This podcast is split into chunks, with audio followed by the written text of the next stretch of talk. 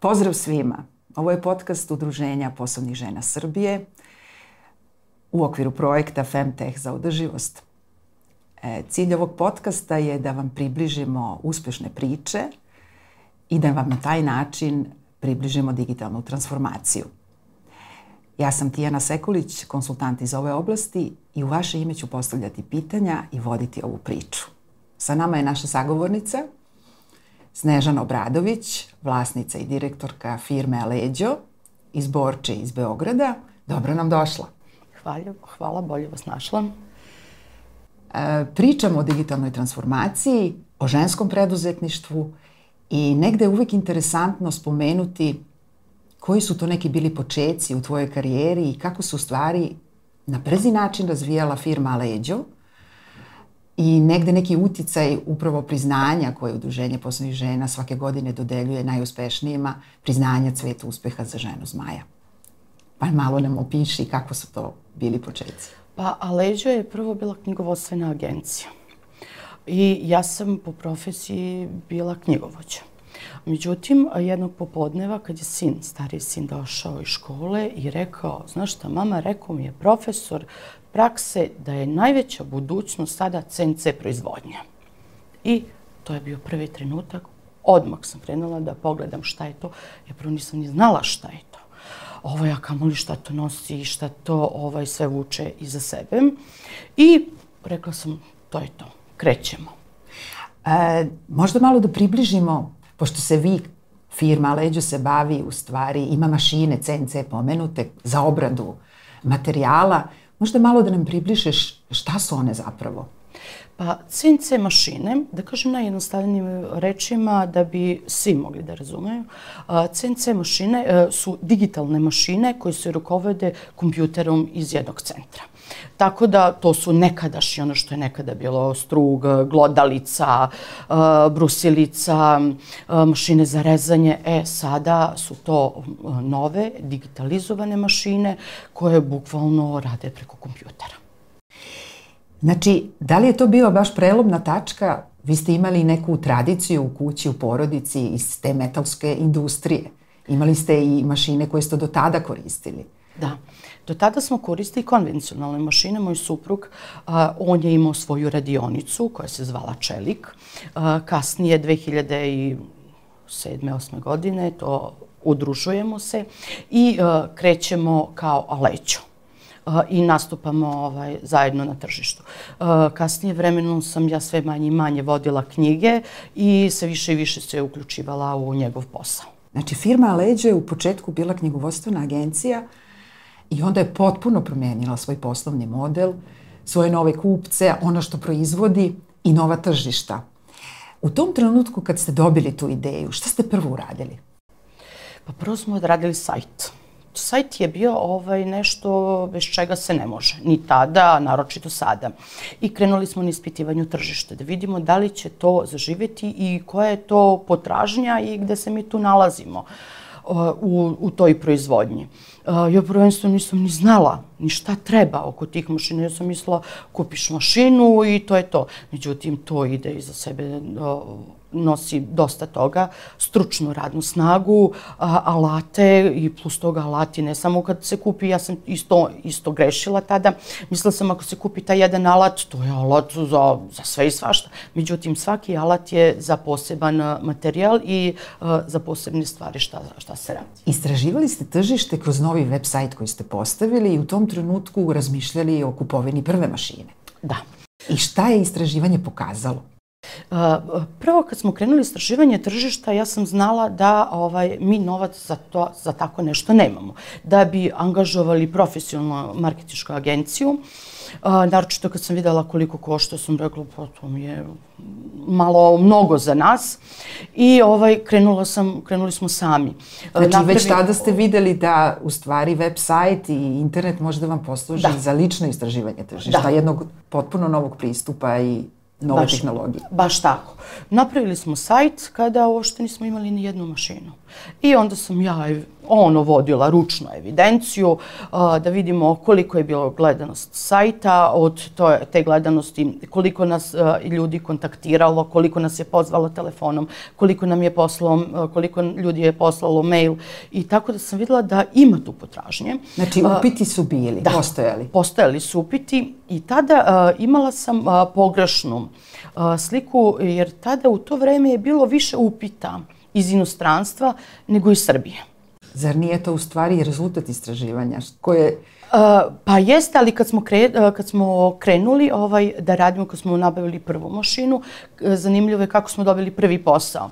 Uh, ujutru suprug i ja se budimo i ono navika prvo se gledaju mailovi. I ja kažem, vidi, pogledaj, ovo neko nam poslao u 1-2 sata noću kao mail, rekao, vidi, ovo, možemo ovo da radimo? I uzimo muž, ono, pogleda, o, super, taj telefon da zovem. Rekao, čekaj, kad ćeš zoveš čoveka nedelja pre podne. Kaže, ma što da ne, kaže, ako je on mogao meni da pošalje u jedan, dva sata noću mail, pa mogu ja njega da nazovem. Nazvao ga je sutru ujutru. Već ti ljudi su bili kod nas u osam i dobili smo prvi posao. Fantastično. Pomenuli smo i nagradu Sveta uspeha za ženu zmaja koja je negde usledila posle prve godine tog vašeg novog poslovanja. E, rekla si da ti je to dalo posebnu energiju jer ćeš u, ovih, u ovom periodu stvoriti zaista nešto što je e, karakteristično za leđo da je imao nagli rast.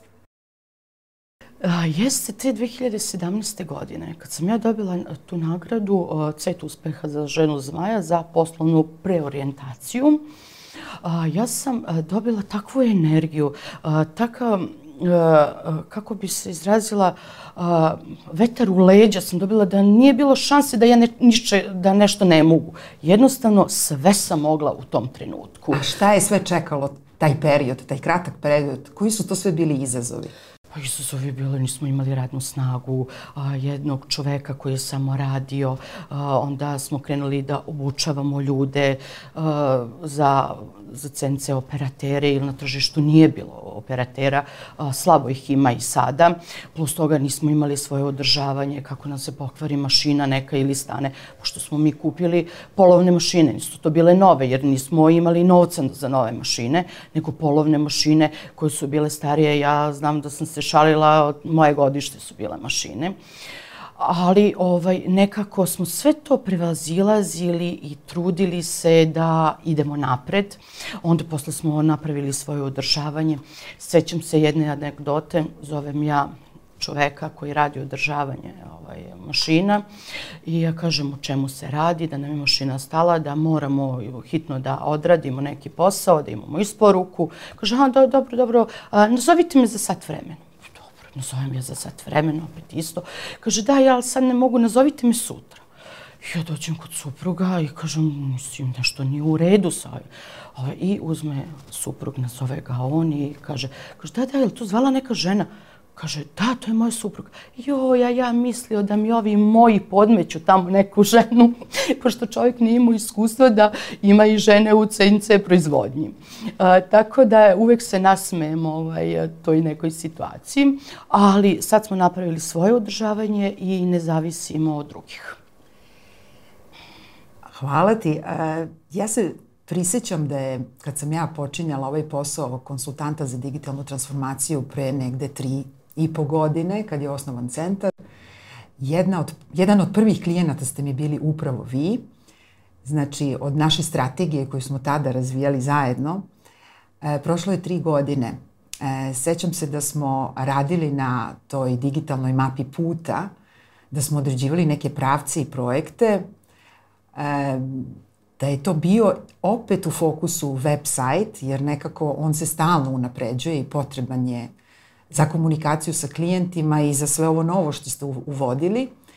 I znam da smo u toj, tom radioničkom radu zajedno došli do toga da taj novi website treba da ima i video sadržaje, da jednostavno ono što vi radite, a to je vaša, vaše znanje, izvoz pameti, s obzirom da imate u timu i inženjere koji dobijaju radioničke crteže i modeluju u stvari te delove koji radite za mnoga tržišta, e, i preporuka već ostvarenih klijenata u inostranstvu koje imate, Onda drugi jedan od projekata je bilo upravo integracija e, softvera koji ste koristili u to vreme, ali koje je trebalo uvezati u jedan e, zajednički informacioni sistem. I postavili smo tada nekoliko pravaca razvoja strategije. Ali smo se fokusirali na jednu. Šta je to bilo hitno i bitno da se uradi u trenutku kada ste imali jako puno upita i zahteva za proizvodnjom, a u tom trenutku čini mi se svega 8, 10, 8 do 10 mašina? Pa, pošto smo imali dosta zahteva, videli smo ovaj problem da mašine dosta uh, bukvalno stoje. Zato što smo ra ručno radili programiranje, svaki operator mora prvo da ukuca program i onda pušta mašinu i komad se ovaj, radi, bukvalno mašina radi taj Negde ste imali komad. prazan hod. Da, i za to vreme operator stoji, čeka i gleda duši mora da prati ovaj rad mašine.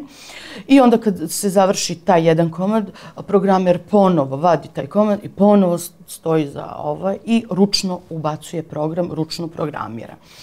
E, onda sa tim programom uh, koji smo došli zajedno do zaključka da bi uh, skratili tu proizvodnju, ovaj, uh, vreme proizvodnje i da bude iskorišćena mašina maksimalno što više može, ja mislim da nis, danas ne iskorišćena maksimalno, da uvek može bolje.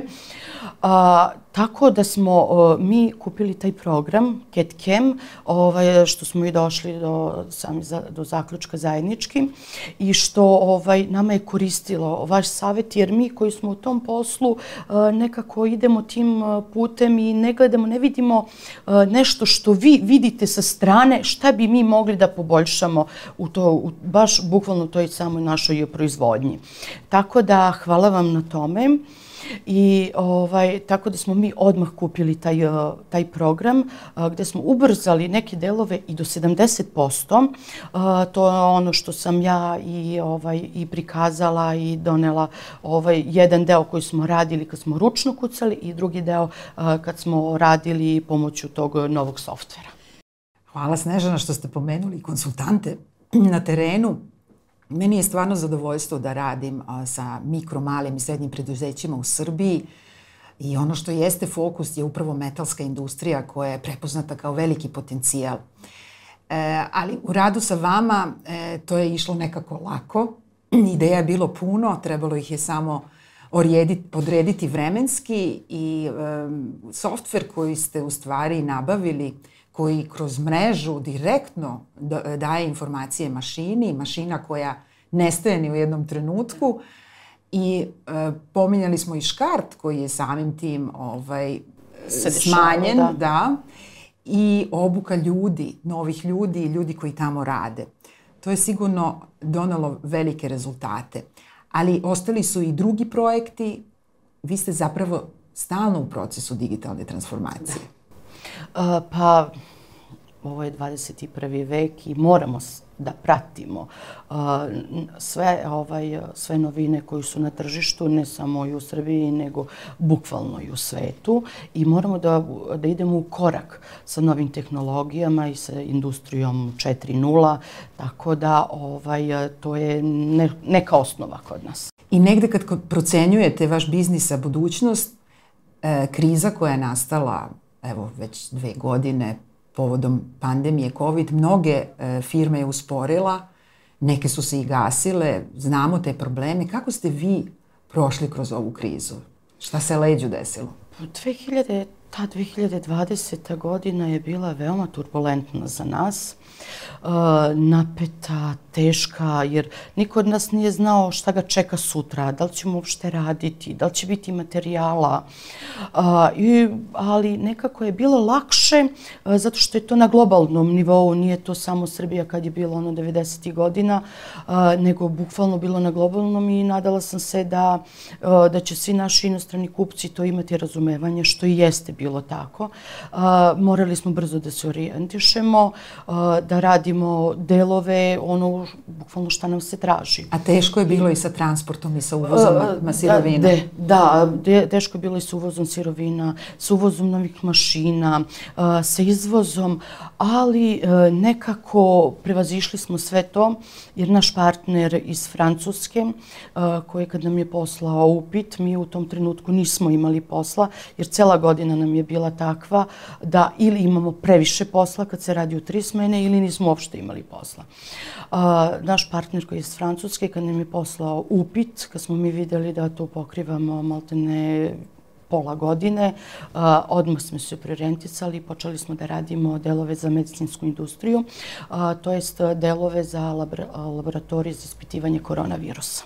I paralelno ste zapošljavali nove ljude. Da. Uvijek je taj kritična tačka Evo iz mog iskustva na terenu e, firme, firmama je vrlo teško da dođu do ljudi, stručno kadra, a i generalno zaposlenih ljudi. Kako ste vi to rešili jer ste zapošljavali sve više? Danas imate koliko? Danas imamo, ja ne znam baš tačan broj, sad ste me zatekli, ali mislim da imamo ono do 30 zaposlenih. Ali ovaj, te godine znam ovaj, koliko smo svi bili složni i koliko smo bili svi jedan za jednog, jedan za sve. I ovaj, e, oni jednostavno, svi operateri su se sami dogovarali e, kad ko radi, e, tačno se znalo kad šta mora da bude gotovo. Jednostavno, sami, bukvalno sami su se organizovali organizovali, radili su u tri smene. I onda ja sam se plašila da ne dođe do umora uh, njih i da nestanu u jednom trenutku, a plus toga uz njih su se obučavali i novi, jer e, obuka traži ove zahteva malo i vremena, jer taj operator koji mora da radi za mašinom, on mora istovremeno da obučava i da objašnjava i tom, e, tom novom. Uh, međutim, uh, nekako smo se lepo snašli, to jest više su se oni snašli ovaj, nego ja, ja sam više bila bila u strahu, ali oni su se fantastično e, snašli i videla sam da to funkcioniše i dan danas e, funkcionišemo na taj način da se oni sami organizuju naše, da kažemo šta treba da se odradi, koliko treba i do kad treba, a oni se sami organizuju. Znači, vaš tim je zaista koherentan i spreman za sve izazove koje imate od strane klijenata, tih novih proizvoda koje i projektujete i proizvodite i koji su sad neki poslovni rezultati koji su zaista impozantni kod vas? Taj je rast i prihoda i zaposlenih.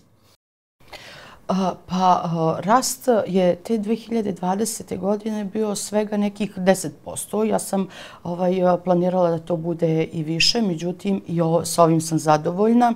U tom trenutku je bilo samo da se opstane. Međutim, moram da se pohvalim da ove godine, kad su poredi ovih pet meseci 2022. sa prošlim, prošle godine, 21. godinom, pet meseci, mi imamo povećanje proizvodnje 100%. A broj mašina? A broj mašina se povećao. Mi još ove te 2020. godine e, smo kupili još pet mašina. Prošle godine je tako da sada imamo 20 mašina. To su i nove mašine? Da, to su sve. I menjali smo ove stare, smo menjali sve da bismo kupovali mlađe mašine koje su i brže i ispravnije i uh, za koje možemo da budemo konkurentni na tržištu. Nekako se i strategija digitalne transformacije koju smo pre dve i po, tri godine postavili, e, negde promenila. Neke stvari su ostale da se još unapređuju, ali došlo i do novih ideja. U vašoj porodičnoj firmi ima i više generacija. E sad, koje su to neke nove ideje koje možete delimično da nam otkrijete do kojih ste došli? Imali neki cilj i neku želju da imamo neki svoj proizvod. E sad, to se menjalo, s vremena vreme uvek smo imali nekih, stalno se to dešavalo nekih ideja, ali ništa od toga nije zaživelo, jer uvek smo gledali da to bude nešto što niko ne radi, da imamo bukvalno prazan prostor kao i u ovom slučaju kad smo kretali. E sada sa idejom mlađeg sina smo dobili najnoviju ideju na kojoj ozbiljno radimo, ali to će ostati tajna, pa vidjet ćemo to za, za, drugu, za drugu priliku ono što samo možemo da otkrijemo da, da je to proizvod koji ima visoku tehnologiju. Visoka je tehnologija u pitanju. I da prati svetske trendove. Da, inovativan, tako da ovaj, nadam se da će, da će to zaživeti.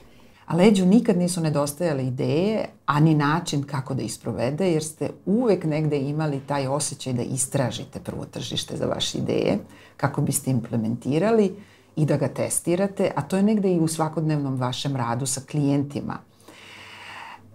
I vidimo da je digitalna transformacija, ako bismo je uvodili u neke okruge, pored toga što je to bilo unapređenje usluge, moramo da napomenemo da je to bilo zapravo jedno post, potpuno postavljanje jednog novog poslovnog modela sa, sa novom tehnologijom, novim ljudima, a predvenstveno klijentima. Tu vrednost koju ostvarujete vašim klijentima, naročito iz inostranstva, šta je ono što inostrazni pa, partneri, i molim vas recite nam koja su to sve tržišta cene kod Aleđo e, saradnje i proizvodnje? Pored srpskog tržišta, mi najviše radimo za francusko tržište, koje sam već rekla, i nastavili smo dalje, iako su oni prestali sa proizvodnjom ovaj, tih laboratorija za ispitivanje koronavirusa. Prešli su na, za, da rade nuklearna postrojenja, za koje smo i nastavili rad. A, tako da sad radimo delove za nuklearna postrojenja, a, a samim tim ovaj, došli smo i do novih klijenata. Naprimjer, da baš dosta radimo za holandsko tržište, za austrijsko tržište i za slovenačko tržište. Zaista impozantno. Pratite i trendove sirovina, nove krize možda su nadolazeće. E, neki zaključak i savet svima onima koji ulaze u digitalnu transformaciju i u razvoj svog preduzeća, šta je ono što je vama pomoglo da napravite takav rast i da budete održivi u tome? Pa prvenstveno vi kao konsultanti. To ste nam dosta pomogli i bukvalno ste nam dali smjernicu kako ćemo dalje da razmišljamo i kojim ćemo putem ići. Jer digitalizacija je svuda oko nas i non stop se priča o digitalizaciji, tako da smo mi sami krenuli ovaj tim, tim putem. I imamo još dosta toga što trebamo da, da odradimo i nadam se da ćemo i odraditi. Hvala Snežana, ja vam želim puno uspeha u razvoju novog proizvoda. Hvala i da kada to bude ostvareno da, da se ponovo nađemo i razgovaramo o tim inovativnim i novim rešenjima i hvala na ovom gostovanju. Hvala vama.